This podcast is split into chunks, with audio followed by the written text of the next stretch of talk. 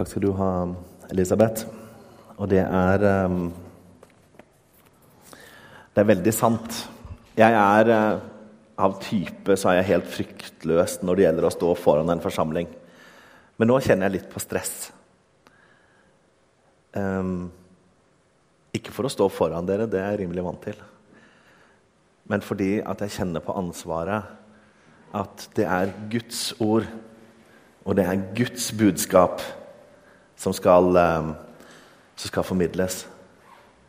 Og så er jeg livredd for at jeg legger i det for mye av mitt. Så jeg har bare lyst til å be kort. Herre, takk for at du har lovt at du vil være til stede når vi samles i ditt navn. Her er vi. Nå ber jeg Hellige Ånd om at du må komme til meg. At du må fylle meg med ord fra deg. At det som formidles nå, er, er ditt budskap. Så ber jeg Herre om at du må være til stede i hvert enkelt hjerte av de som sitter her i salen nå. Og jeg ber Herre om at uh, det som er fra deg, må slå rot. Og det jeg har prestert å legge i deg mitt eget, det må du bare la gå forbi. Vi sitter i forventning til deg nå, Herre. Amen. Hva mente egentlig Jesus da han sa 'følg meg'? Det er et spørsmål jeg har brukt en del tid på. Og det er et spørsmål jeg har opplevd utfordrende nokså på dypet.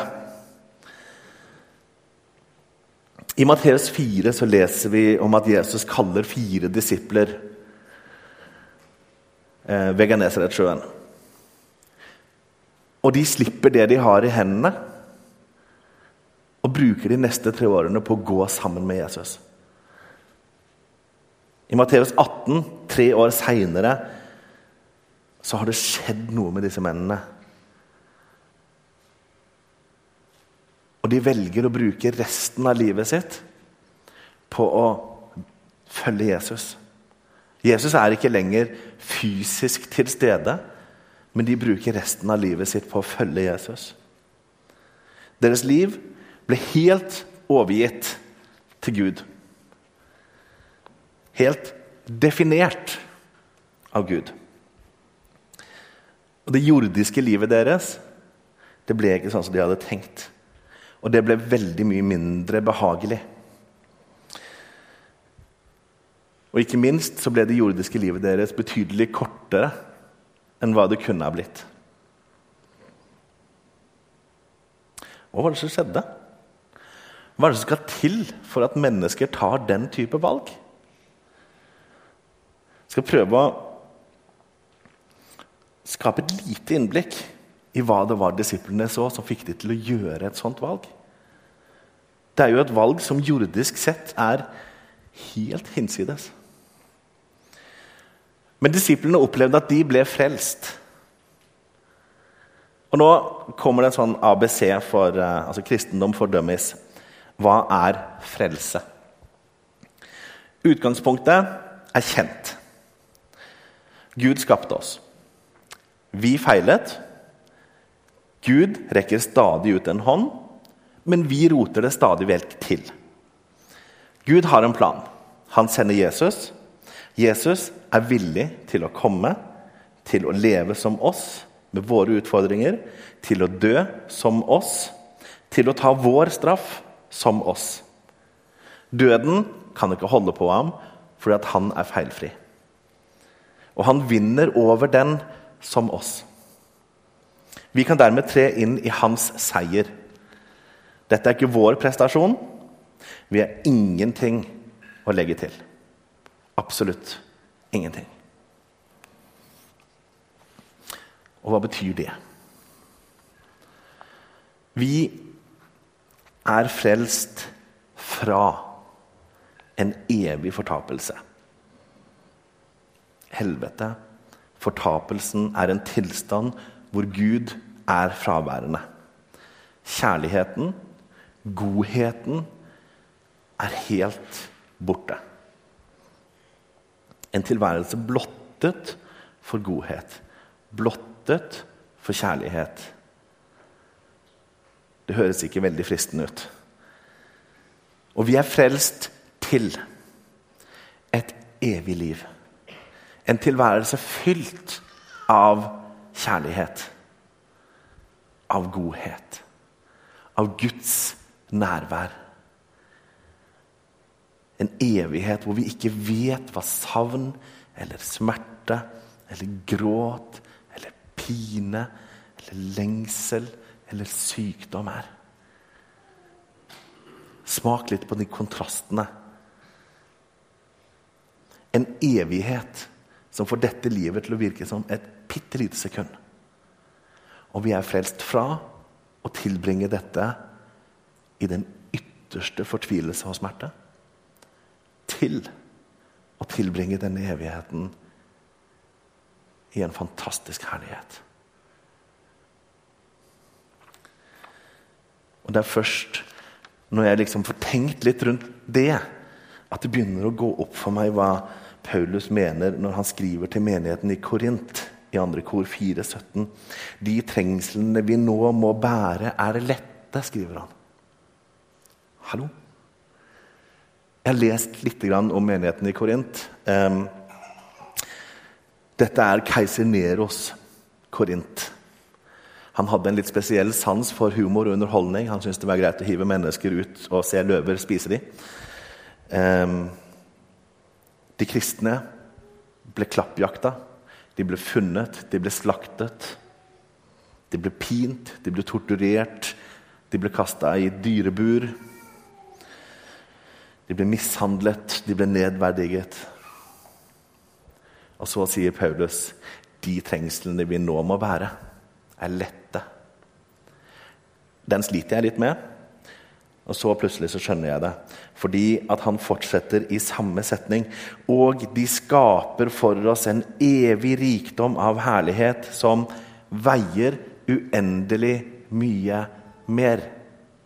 Sett i lys av det vi har i vente, så er disse trengslene lette å bære.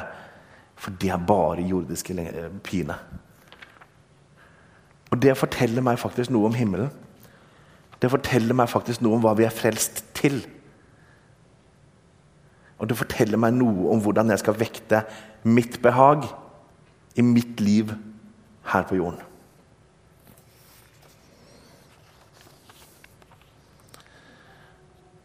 Så hva betydde det i disiplenes jordiske liv, da?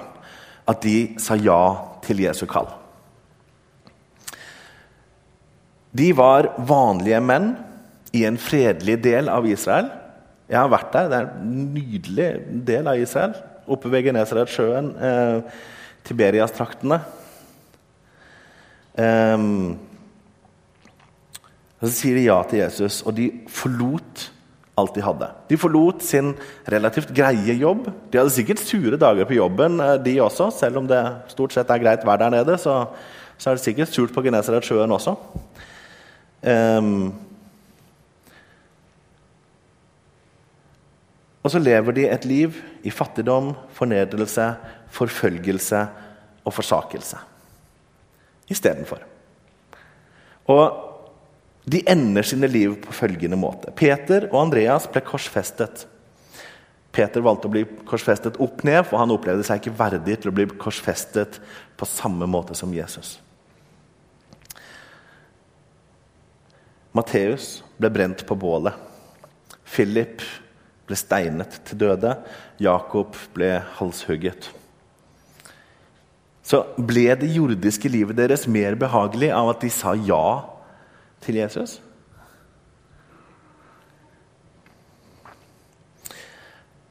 Det ble ikke det. Men de tok inn over seg at det ikke var noen lidelse her på jord det ikke var verdt å gjennomgå for at andre mennesker skulle få muligheten til å arve det evige livet hjemme i himmelen hos vår far. For det er så bra at ingen lidelse på jord har noen betydning sammenlignet med det.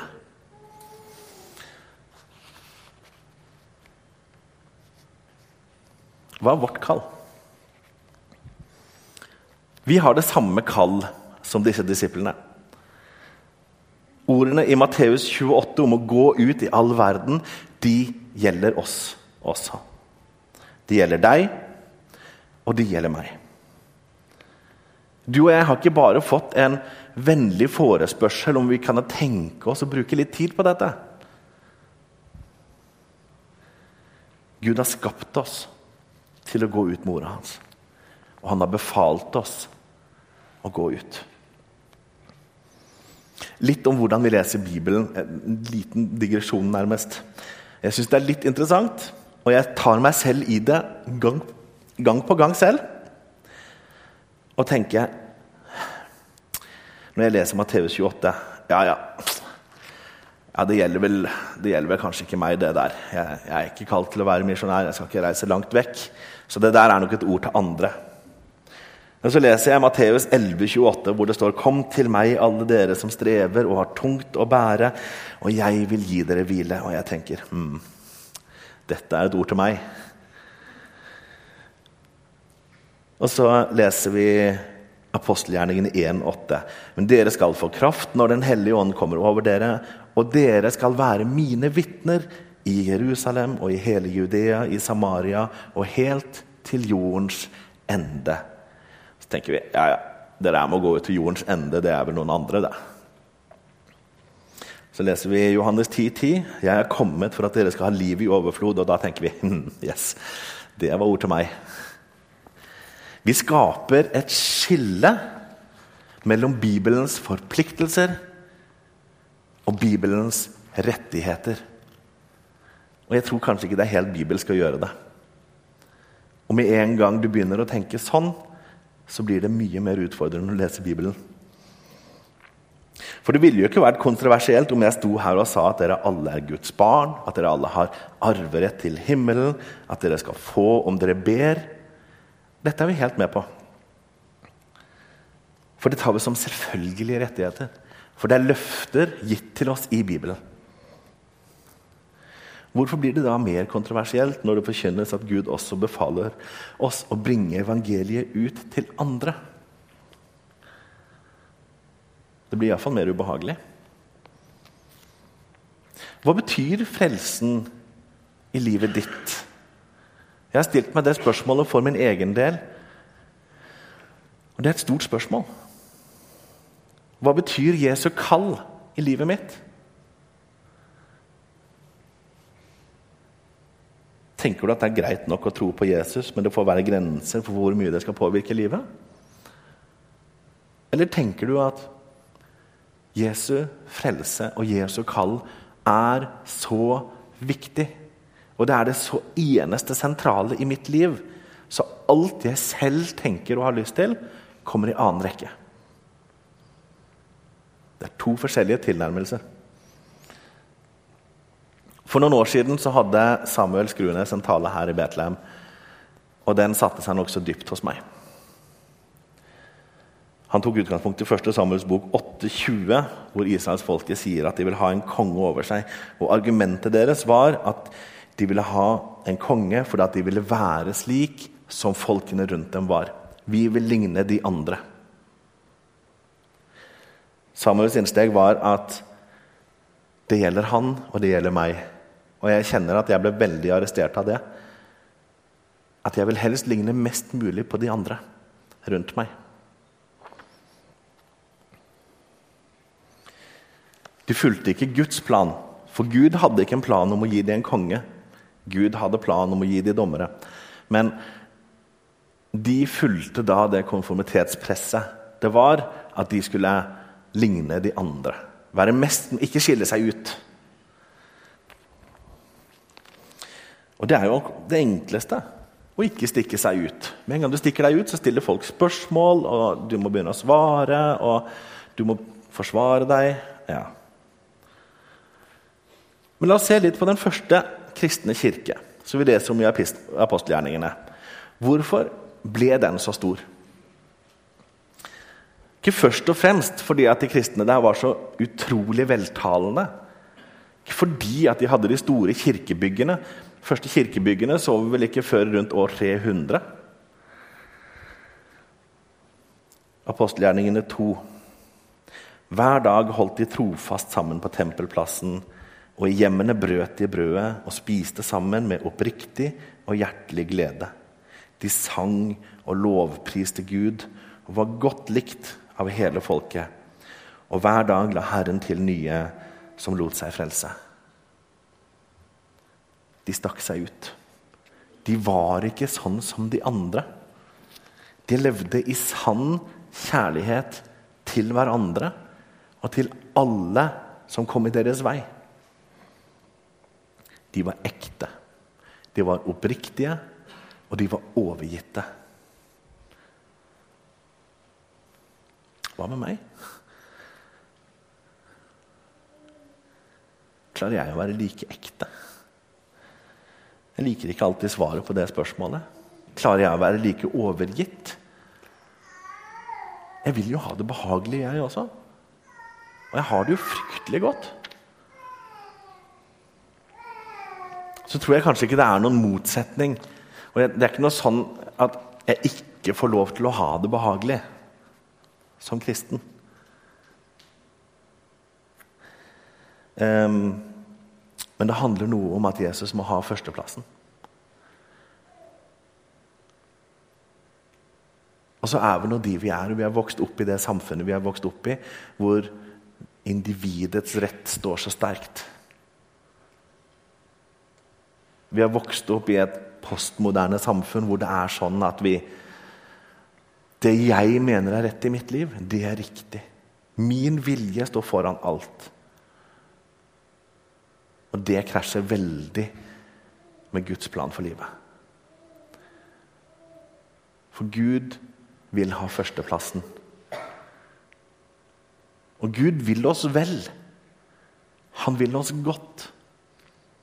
Men han vil oss godt etter sin vilje, ikke etter vår vilje. Jeg tror ikke at Guds plan med livet vårt er at vi skal sette Han på førsteplass mellom klokken 11 og halv ett hver søndag, og så spiller han annenfiolin resten av uka. Han vil ha førsteplassen når du våkner. Han vil ha førsteplassen på jobb. Han vil ha førsteplassen i trafikken. Der sliter jeg mer enn mange, kanskje. Han vil ha førsteplassen når du snakker med familie og venner. Han vil ha førsteplassen når du går og legger deg.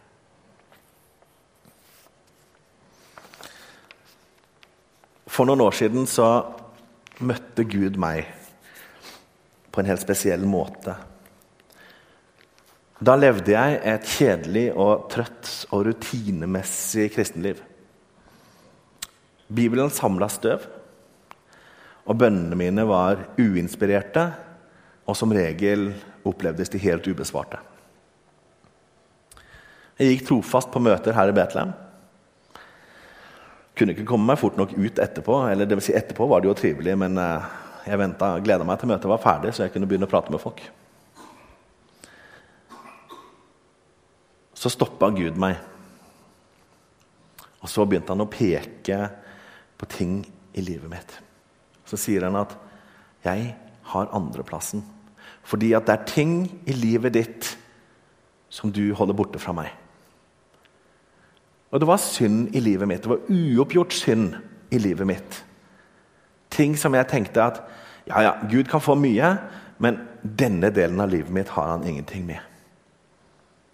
Jeg kunne si til vennene mine ja, ja, dere kjenner meg godt, men akkurat dette får dere ikke vite noen ting om. Jeg kunne si til kona mi du kjenner meg godt, og du kan spørre meg om det meste. Men disse tingene får du ikke vite noen ting om. Dette er min skam. Dette er mine feiltrinn. De vet ingen no noe om. De er bare mine. Og de går jeg heller ikke til Gud med.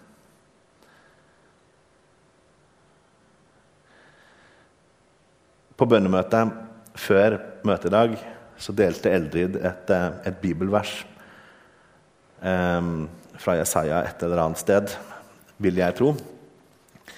Um, jeg fant ikke det igjen i farten, men jeg fant et av de andre bibelversene i Jesaja som sier mye det samme. Se, Herrens hånd er ikke Beklager med dette. Jesaja 59, de første versene. Se, Herrens hånd er ikke så kort at han ikke kan frelse, og hans øre er ikke døvt, så han ikke kan høre. Nei, det er deres misgjerninger som skiller mellom dere og deres Gud. Deres synder skjuler hans ansikt, så han ikke hører dere. Noe av det som ble lest inne på, på um, bønnemøtet, gikk på at Gud møter oss når vi søker Han av et helt hjerte. Jeg ble møtt med at du søker meg av et delt hjerte. Og da kan ikke Gud møte meg. Han svarte direkte på min bønn hvorfor i all verden er dette her med kristenlivet så vanskelig. Hvorfor er det sånn at jeg åpner Bibelen, og det skjer ingenting, og jeg bare er tørt og kjedelig og vanskelig å begripe? Og hvorfor opplever jeg at jeg snakker til veggen når jeg ber? Og Gud svarte meg direkte. Og Det starta en prosess i mitt liv. Og jeg er ikke på noen måte kommet langt. Men jeg tror kanskje at jeg har begynt å ta noen nølende steg i riktig retning. da jeg turte å være helt ærlig med Gud, også på mine største tap. Så kunne Gud møte meg. Så ser jeg det at når jeg tråkker feil, så stenger det veldig effektivt mellom Gud og meg. Fram til jeg igjen må på kne og be om tilgivelse. Og det åpner opp en verden inn til Gud som er fantastisk. Og Jeg var godt voksen før jeg skjønte det i mitt liv. Hva Gud egentlig har å tilby oss her på jord. Det å ha samvær med Gud, det er helt fantastisk. Hvordan er det hos deg? Lengter du etter Gud? Kjenner du på et stadig behov etter å tilbringe tid med Gud? Hører du stemmen hans i livet ditt jevnlig? Enten at han møter deg gjennom andre mennesker, eller at du blir stoppet for noe i Bibelen og tenker at ja, her peker Gud på noe for meg.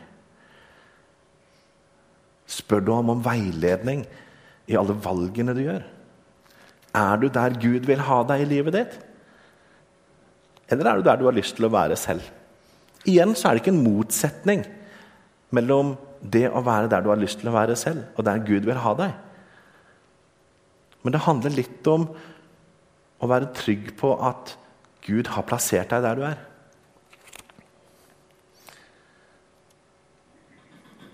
Er det noe i livet ditt du ikke ønsker å dele med Gud? Vet du om ting i livet ditt så du tenker at ja, det skulle jeg aldri ha gjort? Men det holder jeg kjeft om også til Gud.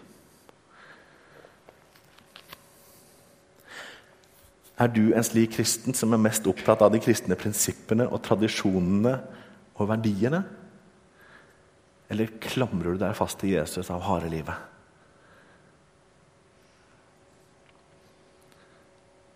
Fruktene av et liv i etterfølgelse er en lengsel etter å lære ham bedre å kjenne. En lengsel etter å bringe budskapet om ham ut til andre mennesker. Det gir en ny dimensjon i vårt samvær med andre mennesker. Og når Jesus sier 'følg meg', og jeg vil gjøre dere til menneskefiskere, så er det ikke lenger en trussel i livet ditt. Det er en invitasjon til å oppleve det fantastisk deilige ved å leve tett på Gud. Det er en invitasjon til å la ditt liv bli forvandlet av Hans nåde det er en invitasjon til å la din sjel bli mettet av den ene som er i stand til å møte alle våre lengsler. Om vi tar imot Guds invitasjon til å bli menneskefiskere, så gir han oss alt vi trenger. Da lever vi ikke lenger et overfladisk og kulturelt kristenliv. Og det vet jeg mye om. Det har jeg gjort lenge selv. Men da lever vi i et kjærlighetsforhold til Gud. Da forteller vi ikke, om, forteller vi ikke andre mennesker om Jesus ut av pliktfølelse og skyldfølelse. En god venninne av meg sa en gang at hun hadde levd sånn en stund. Og når hun skulle snakke om Jesus, så sa hun eh, Jeg skulle gjerne ha sagt noe om Jesus til deg. Ingen trodde henne. Etter at hun møtte Jesus, så kommer hun 'Jeg må fortelle dere noe!' Og hun opplever å bli trodd. Fordi at det hun kommer med, er troverdig. Og Det forteller noe om hjerteforholdet til Jesus. For da øser vi av den overfloden av kjærlighet Gud har til oss. Da sprudler vi over av glede over hva Gud gjør i våre liv. Og da blir mennesker nysgjerrige på hva det er vi har. Og Da slipper du å vente på den rette anledningen til å presse ut noen ord om Gud. Slipp Jesus inn i livet ditt. Bruk tid på å søke. Sett jevnlig av noen timer i total stillhet. Det er en utfordring i våre hverdager. Vi har altfor mange muligheter til å fylle oss med musikk og radio og TV og Internett og venner, familie, jobb You name it. Det er ikke noe problem å fylle hver bidige våkne time med støy. Det er et større problem å finne noen oaser i total stillhet med PC-er og telefoner og TV-er lagt langt vekk. Bruk tiden i bønn, bruk tiden over Bibelen i forventning til at Gud faktisk kan møte også deg. Og jeg skal love deg at du kan bli overrasket. Men Det kan være vondt. Synserkjennelse er vondt. Men det er verdt det. Tro meg.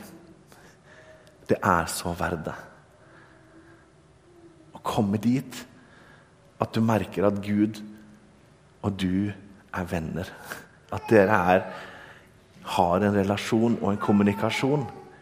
Det er noe av det mest fantastiske i mitt liv når jeg kan sette meg ned og opplever at Gud taler til meg gjennom ordet og på annet vis. Gjennom sangen. Det å stå og lovsynge og oppleve at ja, jeg er i en relasjon til Gud. Det er det mest fantastiske i livet mitt. Dette kunne jeg ikke sagt for ti år siden, men nå kan jeg si det av et helt hjerte.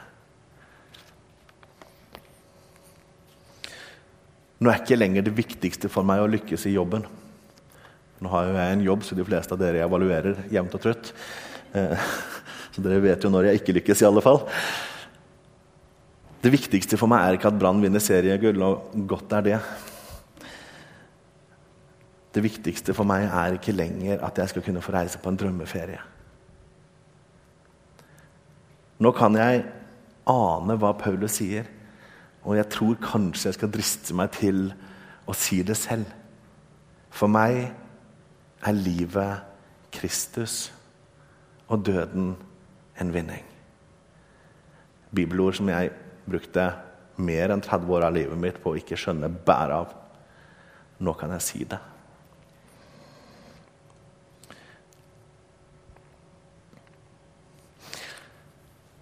Kommer du dit at du kan si at for meg er livet Kristus og døden en vinning, da finnes det ikke lenger noen pinsler eller plager eller sykdommer eller smerte som ikke er til å holde ut for deg. For da har du sett et glimt av den himmelen du har i vente. Du har fått en liten kontakt med Gud her, som er preget av alt vi har rundt, annet vi har rundt oss. Og det er ikke en relasjon til Gud som på noen måte kan vise yte rettferdighet, den relasjonen til Gud vi har i vente. Men du får en liten smak, og den lille smaken er det beste i livet ditt. Og har du sett det lille glimtet, da kan du holde ut alt mulig for å bringe det videre. Og det, folkens, skal jeg ta veldig store ord i min munn. Det er meningen med livet. Far, jeg har lyst til å takke deg for at du er her. Jeg har lyst til å takke deg for at du er så uendelig nådig at du kunne møte meg også på alle mine feiltrinn. Du kunne møte meg på alt det jeg hadde gjort galt, og si det at du er ærlig, Kenneth. Du kommer til meg. Det er greit. Dette har jeg dødd for, sa du til meg. Herre, nå ber jeg for hver enkelt av de menneskene som sitter her i salen. Jeg ber om at de må få et møte med deg. Et første møte, et nytt møte. Herre, takk for at du kjenner dem. Herre, må du kalle dem til en overgivelse. Må du kalle oss alle til en overgivelse til deg. Herre, jeg ber om at du må få førsteplassen i mitt liv. Jeg ber om at du må få førsteplassen i livet til alle som sitter her nå. Kom, Hellige Ånd, og virk i oss. Kom, Herre.